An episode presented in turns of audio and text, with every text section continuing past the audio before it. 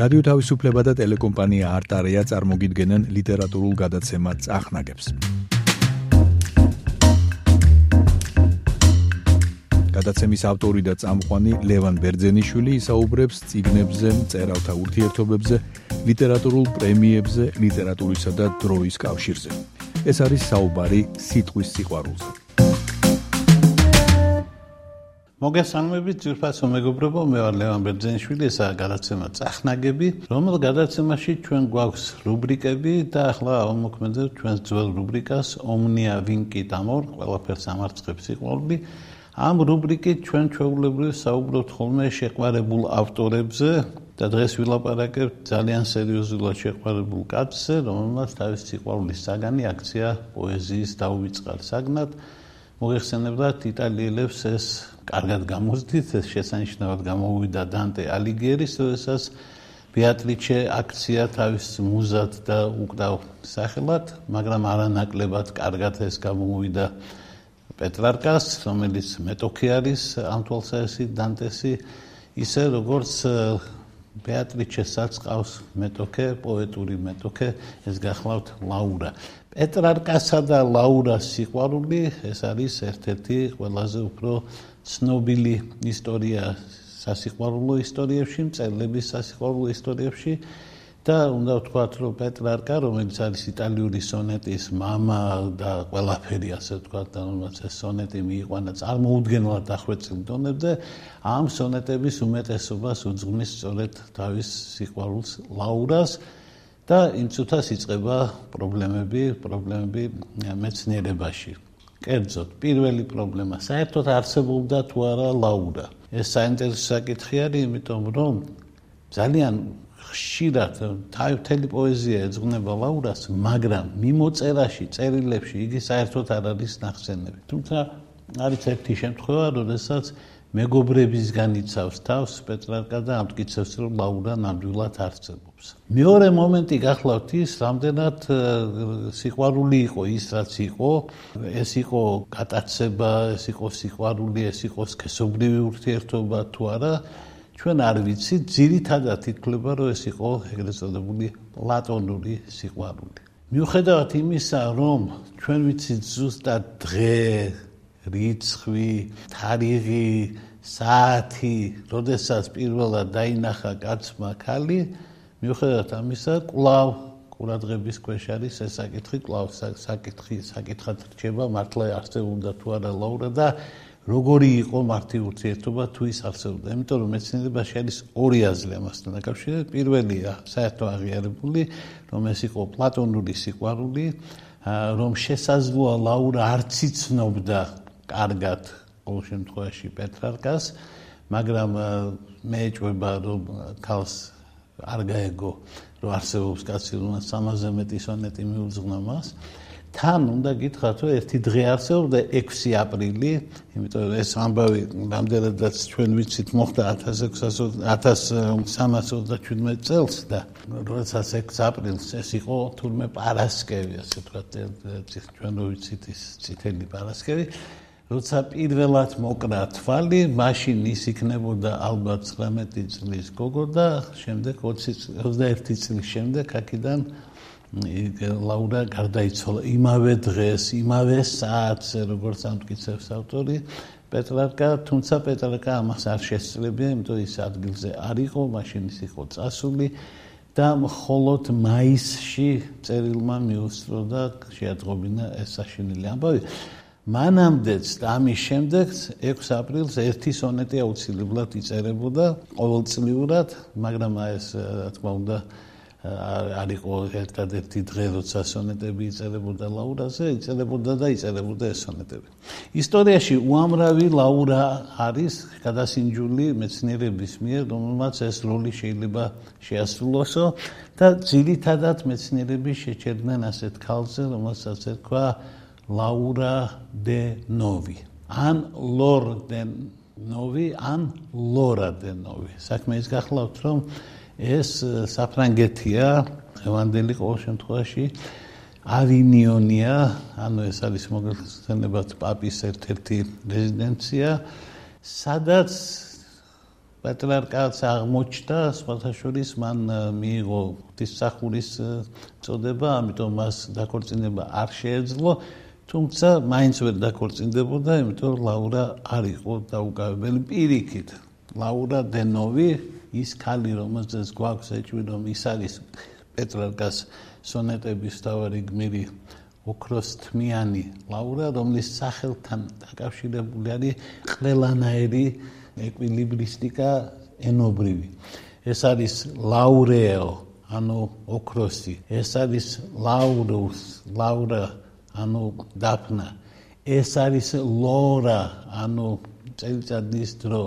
ეს ამავე დროს არის აურა ან ლაურა სიო. მოკლედ ამ სახელის ირგვლივ ბევრი აქვს გაკეთებული და ეს არის მილიონჯერ გარითმული სხვადასხვანაირად და სხვადასხვანაირად წარმოდგენილი. ამ ქალს რომელზეც გვაქვს ეჭვირო ის უნდა იყოს ლაურა ყოლია ქმარი და ყოლია 11 შვილი მაგრამ მარტო ამითხარ არის ცნობილი ახლა უნდა მოახერხო ისტორიაში უნდა იყოს ასეთი ქალი რომ ერთის მხრივ ისტორიაში შეხვიდა იმიტომ რომ კაცობრიობის ერთ-ერთმა უდიდესმა პოეტმა სიმღერები და მადრიგალები და სონეტები და რა ვიცი ყველაფერი გიძღვნა და მეორე მხრივ კიდე უნდა შეხვიდა ისტორიაში იმიტომ რომ კაცობრიობის ერთ-ერთ ყველაზე უფრო ცნობილი და ყველაზე უფრო სკანდალურად ცნობილი კაცის წინაპარი აღმოჩნდები. საქმე ის გახლავთ რომ მეუღლე ქალბატონი ლაურა დე ნოვისა გახდათ გრაფი უგო დესადი ხოლო იმ 11 შვილიდან რომელიც ყავდა ამ კალბატონს ერთ-ერთი იყო უგო მესამე დესადი რომელიც არის უშუალო წინაპარი მარკის დესადისა ძალიან სახელგანთქმული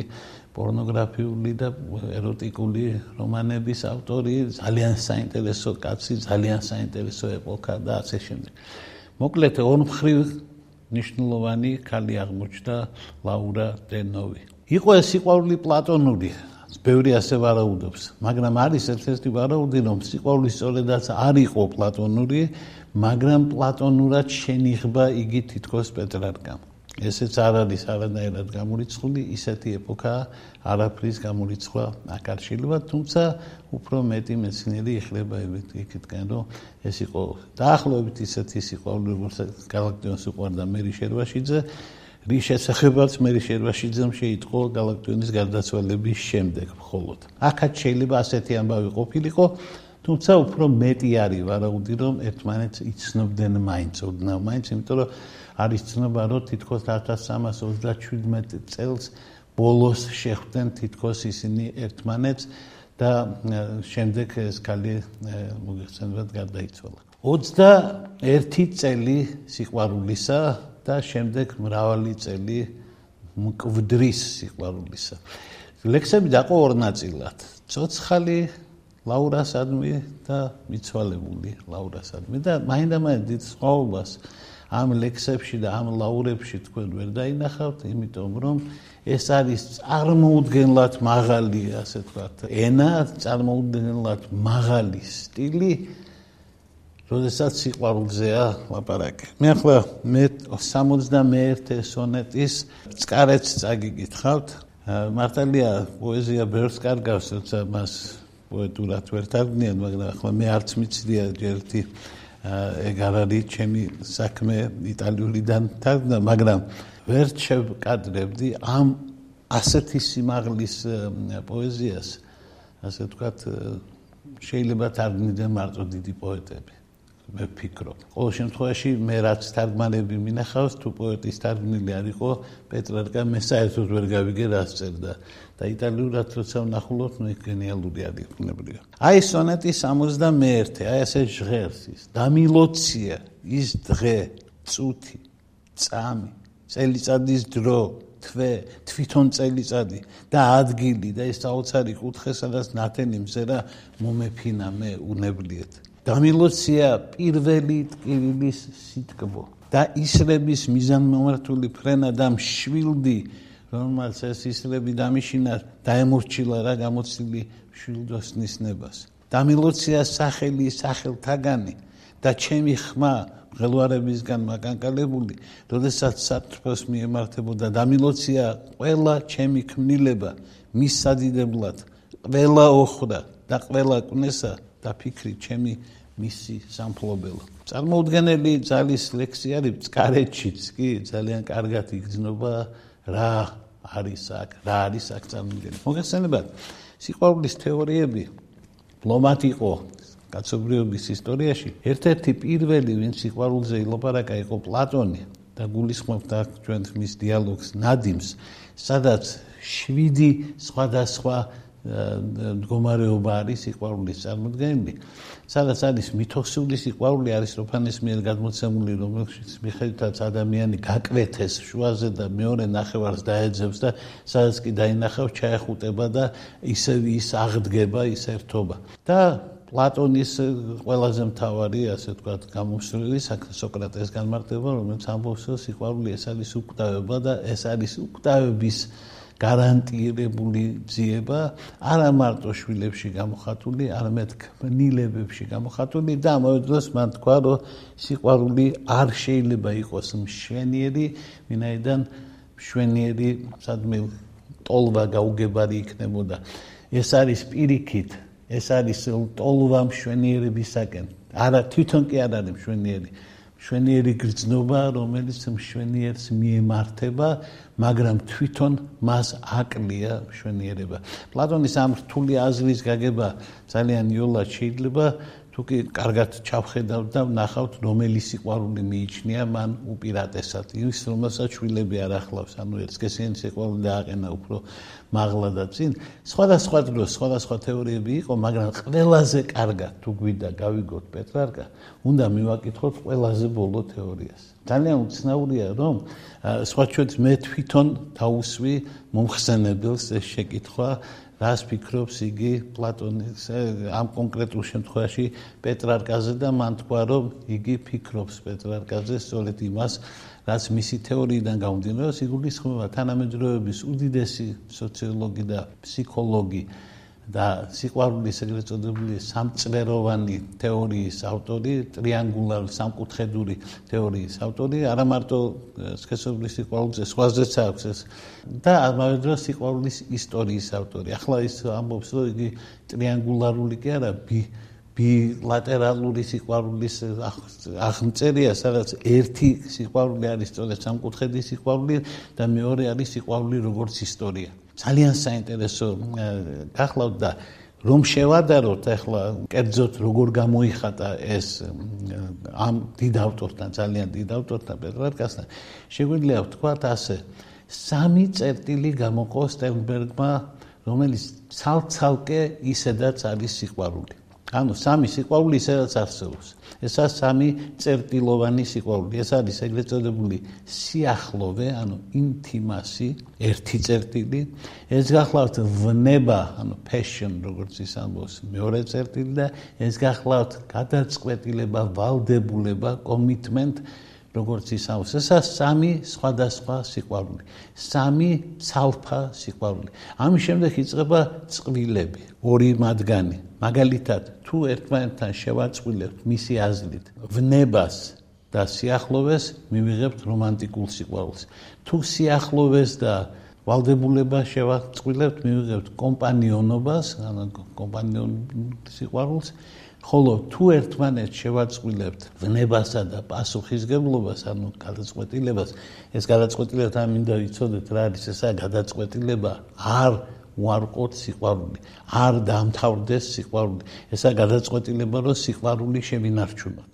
აი ამ შემთხვევაში იქნება თურმე ფატალური სიყვარული. ხოლო თუ ყველაფერი იქნება ერთად, ეს იქნება სრულყოფილი სიყვარული. ის რაზეც ლაპარაკობს პეტრარკა ის არის ცალფა სიყვარული საბედისწეროდ გადაწყვეტილი, იმიტომ რომ მას ვნება ქონდა, ანუ გატაცება ქონდა ამ კალის მიმართ და მან დაადგინა, გადაწყვიტა, რომ სიკვდილიც კი ვერ შეუშლის ხელს ამ სიყვარულს. ქმარი და 11 შვილი კი არა, სიკვდილი ვერ უშლის ხელს ამ სიყვარულს. მე არ ვიცი ადრე როგორ უყურებდნენ ქმრები, არ ვიცი როგორ უყურებდა ვინმე პოტინარი და მისი შთამომავლობა იმას რომ დანტემ მისი ცოლი აქცია, ასე ვთქვათ, პოეზიის საგნად და სხვა.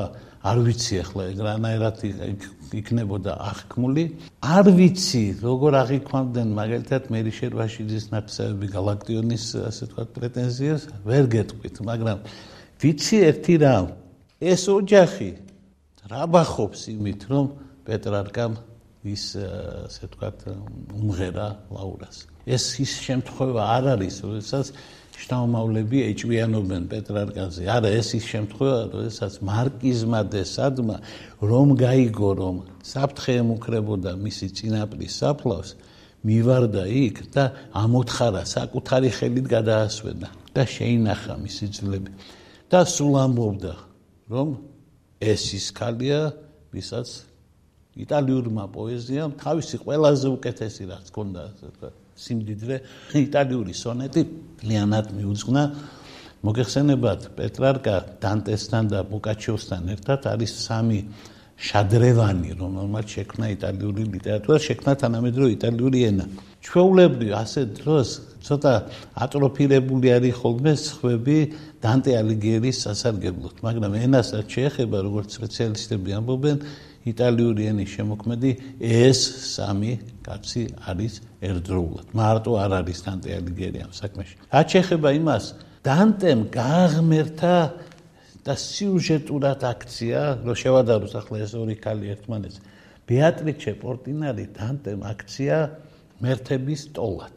მან აიღო და დასვა პირდაპირ იქ, სადაც მისი ადგილი არის. აქ არ შეიძლება არ გავიხსენოთ საფოს შესანიშნავი სტრიქონი, რომ ის ადამიანი, რომელიც შენს წინსის ღმერთების თანასწორად მიმაჩნია, რადგან შეუძლია იჯდეს. მე იმიტომ მე არ შემიძლია ამბობს. საფო მე ვერ დავჯრები, იმიტომ რომ მე რო ხედავ და მე ჩამოთლის რა მოზდის ხომ. საოცარი სიმშვიდით უმღერის ლაურას პეტრარკა. მე მგონი მისი ყველაზე დიდი ძალა, ახლავთ რა ამუზარმაზარ ნებას ახლავს რაღაცნაირი გაწონასწორებული სიმშვიდე. დანტე არა, დანტეს აქვს ემოცია. დანტე ჯერ ერთი ბოდის გვიხდის, რომ სიყვარულზე ლაპარაკობს, იმიტომ რომ პერსონალური სიყვარული როგორ შეიძლება და როგორ შეიძლება და პეტრარკა უკვე სხვა კაცია. პეტრარკა არის კაცი, რომელსაც ეს ქალი თუნდაც 11 შვილის დედა არის წმინდანი. და არა იმიტომ, რომ ახალგაზრდა მოკვდა. და არა იმიტომ, რომ მოკვდა საერთოდ, არამედ იმიტომ, რომ იყო საერთოდ. რომ დაიბადა, იმიტომ რომ მან ხო თქვა რომ დალოცვილია ის დღე, ის წამი, ის ადგილი და ის შემოქმედება, ჩემი შემოქმედება, რომელიც მას მიეძღვნა, დალოცვილია, იმიტომ რომ მას მიემართება. ეს არ გავს, ძალიან არ გავს დანტეს მიდგომას. ეს სხვა მიდგომა არის, ამიტომ არის რომ პეტრარკა რო ტრაბახობდა, რომ დანტეს ნაკლები არ ვარ მეო, ეს ტრაბახი ჩვენ არა იტალიელებს ნაკლებად გვესმის. ისე როგორც ჩვენ არა იტალიელებს ნაკლებად გვესმის ის კამათი რომელიც მიმდინარეობს გერმანელებში გოეთესა და შილერის გამო რუსებში დოსტოევსკისა და ტოლსტოის გამო იმიტომ რომ კაცობრიობას თავისი რჩეულები ყავს ხოლო გერმანიაში მაგალითად ყველამ ვიცით რომ ბახზე დიდი კომპოზიტორი გერმანელებისთვის არავინ არ არის და კაცობრიობა ასე არ ფიქრობს კაცობრიობას დღემდე მიაჩნია რომ ბეთჰოვენი და მოცარტი უკეთესები არიან, თუმცა რა თქმა უნდა, კაცობრიობას გერმანელები არ მოусმენენ. ამ თვალსაჩინით არის ძალიან საინტერესო, იმიტომ რომ დანტე მიუძღვნა პოემა, ხოლო პეტრარკა მიუძღვნა ლექსების თელი კრებულები, არა რა ლექსებზეა ლაპარაკი, ლაპარაკი არის ისე იგი ერთ თემაზე დაწერილი 300 სონეტი.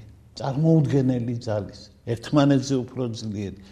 ეს ქალი, რომელზეც როგორც ვიცით, ძალიან ლამაზი უნდა ყოფილიყო, იმიტომ რომ ჯერერთი მას უნდა ჰქონოდა ხორბლისფერი კანი და შეუსაბამოდ, ესე იგი ცოტა დაკრავდა, ასე ვთქვათ, მზისფერი მას დაკრავდა და ამასთან შეუფერებლად ამშვენებდა თურმე ამ სახეს მისი ოქროს თმები. ამ კერათმიანი ყოფილა.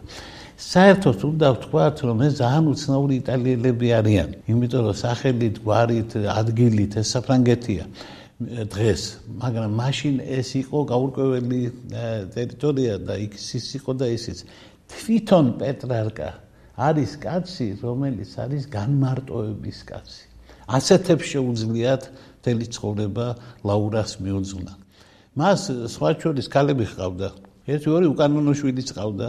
მიუხედავად იმისა, რომ ცელიბატი უნდა დაეცვა მოგეხსენებათ და ჩვენ შეგვიძლია ახლა საყვედური ვთქვათ, მაგრამ ბოლო ხანებში ეს ამ ტიპის საყვედურები რახან გახშირდა, მინდა აქვე ვთქვა, რომ ამასინა ჩვენმა პატრიარქმა გალაქტიონს რაღაცა დაუწუნა და მინდა გითხრათ, რომ ხო, პატრიარქები ალბათ ამასაც დაუწუნებდნენ პეტრარკას, ადროს სიყვარული იყო, კაცი მღვდელი იყო და უნდა შეენარჩუნებინა, ასე ვთქვათ, მას ცელიბატი და რა თქმა უნდა, იგი უნდა ხელუხლებელი უნდა ყოფილიყო საერთოდ, მაგრამ შვილებიც კი ხოლია. მიუხედავად ამისა, განმარტოებით ცხოვრება უყვარდა.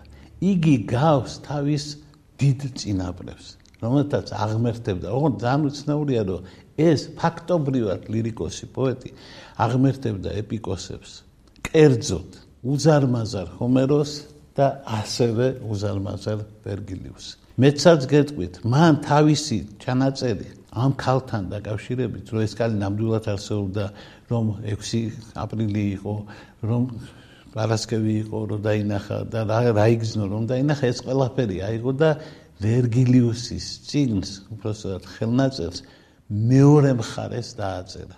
ან კონდა ვერგილიუსის ენეიდა და გადმოაბრუნა, ესე იგი პირველი ფურცელი თუ რაც კონდა ალბათ პერგამენტი და იმაზე დაწერა ის ჩანაწერი, რომლითაც ჩვენ ვიცით ნამდვილად რომ ამ ქალთან ქონია ასეთი ტიპის სასიყვარულო ურთიერთობა, რომელზეც როგორც გითხარით, თელი მსოფლიო მეცნიერება მუშაობს დღემდე, იმიტომ რომ დღემდე არის ეს არა მარტო საიდუმლო, არამედ დღემდე არის უმშვენიერესი მითი ამ ნამდვილი სიყვარულისა. იმდენად ნიშნულოვნად მიიჩნიეს, რომ ბავშვების სახელებიც კი გააუკვდავეს. ესენი არის პოლი, ოდებერი, ჰუგო მესამე, მარკიზ დესადის ცირაპანი, პიერი, ჟაკი, ჟანეტი, ფილიპი, ოჟიერი, ერმესენდი, მარგერიტი, კასენდი და მარკიზ დე სადი რომელიც როგორც გითხარით თითლებოდა ლაურას შტაუმავლად ჰუგო მესამის ხაზით ლაურაზე უფრო მაღლაც ადის და იქაც ეძებს თავის წინაპრებს. მაგრამ როგორც კი ლაურაზე მიდგება საქმე იმ წუთას აკეთებს შენიშვნას რომ ეს ვინმე ლაურა კი არ არის. ეს არის ლაურა რომელმაც შექმნა იტალიური პოეზია რომელმაც იტალიური პოეზიაში შექმნა სრულიად წარმოუდგენელი ძალის სონეტები რაც დაგვიწერა ამ შესანიშნავმა პეტრარკა. ოჯახი რომ ძალიან სერიოზულად იყო დაკავშირებული ამასთან, იმითაც ვიცით რომ ამავე ოჯახზე კუთნის კვლევები პეტრარკას შესახებ. ანუ იქ დაიბადა რამდენიმე მეცნიერი, რომელიც პეტრარკას სწავლობდნენ. და შემოგვინახეს რა, რომ განმარტოებით უყარდა ცხოვრება, რომ მიუხედავად იმისა, რომ ავინიონში იყო, ავინიონში ვერ ჩერდებოდა, ავინიონი მაინც ქალაქია, ამიტომ ვოკლუზის מחლუბლად პატარა სოფელი ჰქონდა, პატარა ქოხი ჰქონდა, პატარა ქოხი ჰქონდა. იმათ კი ჰქონდათ სასახლეები უზარმაზე, მთელი ქალაქი, რომელიც ხარცან ზოხად სურათი არსებობს და ქალაქი ვერ გადარჩა. ამდენ ისტორიაში გადარჩენილი მე-20 საუკუნემ შეიწირა სხვა სხვა სხვა ომების ომებს შეეწირა. მიუხედავად იმისა, რომ პეტრარკას სახელმა იგი ვერ დაიცვა. პეტრარკას და დანტეს შეუძლიათ უკვდაობა მეანიჭონ ბეატრიჩეს და ლაურას. ეს შეუძლიათ მაგრამ ქალაქების გადარჩენა არ შეუძლიათ. ავინიონი არ დარჩა იტალიას ავინიონი ახლა საფრანგეთია. ამიტომ პეტრარკა მიუხედავად იმისა რომ თქონდა იტალიელი იტალიელი ავტორია მაინც სარგებლობს ასევე ფრანგების განსაკუთრებული სიყვარულით ძალიან საინტერესო არის მისი დამოკიდებულება როდესაც დანტე ალიგიერი შეახვედრებს ერთმანეთს დანტესა და ბეატრიჩეს ბეატრიჩე წვერში ჩავლებს ხელს და ეთქვის რომ აწიე წვერიო შემომხედე შენ მე როგორ მიღალატეო. აი ასეთი რამ. მიუხედავად იმისა რომ აშკარა არის რომ უღალატა შვილები ყავდა ბოლოს ამ პეტრალგას ასეთი რამ მან არასოდეს არ ათქმევინა ლაურას. მიუხედავად იმისა რომ ბეატრიჩე არის ცაში ასული და პირდაპირ თიშოვლის გვერდით დგას ის მაინც უფრო კალურია გაცილებით უფრო ღვთაებრივი არის ლაურა იმდენად დახვეწილი სონეტები აქვს მას მიძღვნი სონეტებში მე მგონი საერთოდ იცით შემდგომ ეპოქებში დაიბადნენ კარგი სონეტისტები თქვა ერედია ბოდლერს უყვარდა სონეტები მაგრამ პეტრარკა მე მგონი შეუდარებელი არის თვითონ სახეობრივი თვალსაზრისით და სონეტის ტექნიკური აგებითაც. სონეტს ის აგებს ასეთი რითმებით. a b b a ამას ორჯერ გააკეთეს და მე a b a b a b დაახლოებით. ასე ანუ ორი ტერცეტი რო არის იქ ისე იგი რითმები მოულოდნელად არღვევენ იმ წესრიგს რომელიც მანამდე ქონდა და ძალიან დიდარი რითმები წერს თუ ახლა გავითვალისწინებთ ეს ქართული არ არის 3 და 4 და 5 მარცვლიანი რითმები შეიძლება კონდეს რომელიმე galaktionს მაინც უნდა ვთქვათ რომ ტექნიკური თვალსაზრისით ძალიან მაღალი დონეა ძალიან მაღალი დონეა მე მაქვს წაკითხული ერთი პატარა ჩანახატი პეტრარკაზე რომელიც გააკეთა მე-20 საუკუნის ერთ-ერთმა ყველაზე დიდმა პოეტმა სკანდალურად ცნობილმა პეტრარკა სკანდალურად ცნობილი გახდა მარკიზ დე სადის გამო. აბსოლუტურად წარმოდგენა არ ქონდა რა გაასკანდალებდა მის სახეს. ხოლო სკანდალური ავტორი რომელიც მე მინდა გითხრათ ცნობილია რომ ერთადერთი ორი ნიჭიერი კაცი გამოერია ფაშისტებს შორის წარმოიდგინეთ იმიტომ რომ საერთოდ ეს იდეოლოგია მაინც ნიჭიერებას არ უნდა გულისხმობდეს მაგრამ ეზრა პაუნდი რომელიც დაჟილიც კი იყო მაგის გამო ახლა სხვა ფაშისტებს ახლა აღარ ვახსენებ იმიტომ რომ ვინმეს გული არ ვაწკინო მაგრამ ეზრა პაუნდი რომელიც იყო მუსოლინის მეგობარი რო ჩამოაგდეს მუსოლინი მის მერეც იმის გულშემატკივარი იყო და ბოლოს და ბოლოს მაგისტრის დაიჭირეს კიდეც. ეზრა პაუნდს აქვს პატარა ჩანახატი პეტრარკას გასაოცარი. გასაოცარი ლაპარაკობს შეიძლება ითქვას, რომ ეს არის პასუხის პასუხი. ანუ გარკვეულად პასუხია იმაზე, რომ მას მეორე დიდმა პოეტმა მიუძღვნა პოემა და თქვა ჩემზე უფრო დიდ ოსტატს. და მან ეს სიტყვები, რომელიც თომას ელიოტმა მასზე თქვა, გადაუმისამართა პეტრარკას და თქვა ეზრა პაუნდმა, დიდმა პოეტმა, ჩემზე უფრო დიდ ოსტატს. ოსტატობის თვალსაზრისით პეტრარკა წარმოუდგენელია. დახვეწილობი, აი გალანტური და დახვეწილი პოეზია მსგავსი ძნელად წარმოსადგენია. მე ვიტყოდი, რომ ეს უფრო არის აპოლონური პოეზია ვიდრე დიონისური. ანუ მასში მეტი არის ანგელოზი ვიდრე დემონი.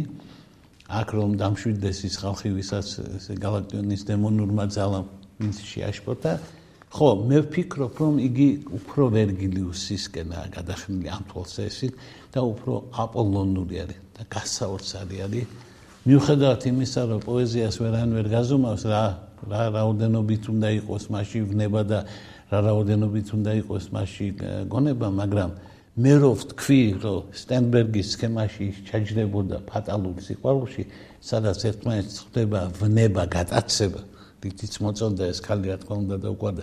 და კომიტმენტი ანუ გადაწყვეტილება ანუ პასუხისგებლობა ანუ ვალდებულება აი ამ თვალსაჩინით არის უზარმაზარი პოეტი, მან ივალდებულა რო ყოფილიყო იმ ქალის ტრუბადური, იმ ქალის მომღერალი, რომელთანაც არანაირი, ასე ვთქვათ, მიწიერი გზნობა თითქოს არ აკავშირებდა. და რომ არ აკავშირებდა, იმითაც ხვდებით, რომ ეს სიყვარული ზუსტად ისე გაგრძელდა ლაურა სიკვდილის შემდეგ, წლების მანძილზე, მთელი 10 წელი კიდე წერდა და წერდა სონეტებს.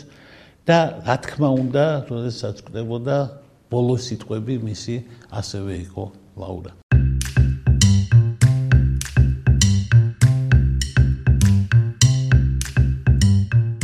რადიო თავისუფლებამ და ტელეკომპანია არტარიამ წარმოგიდგინეს ლევან ბერძენიშვილის გადაცემა წახნაგები.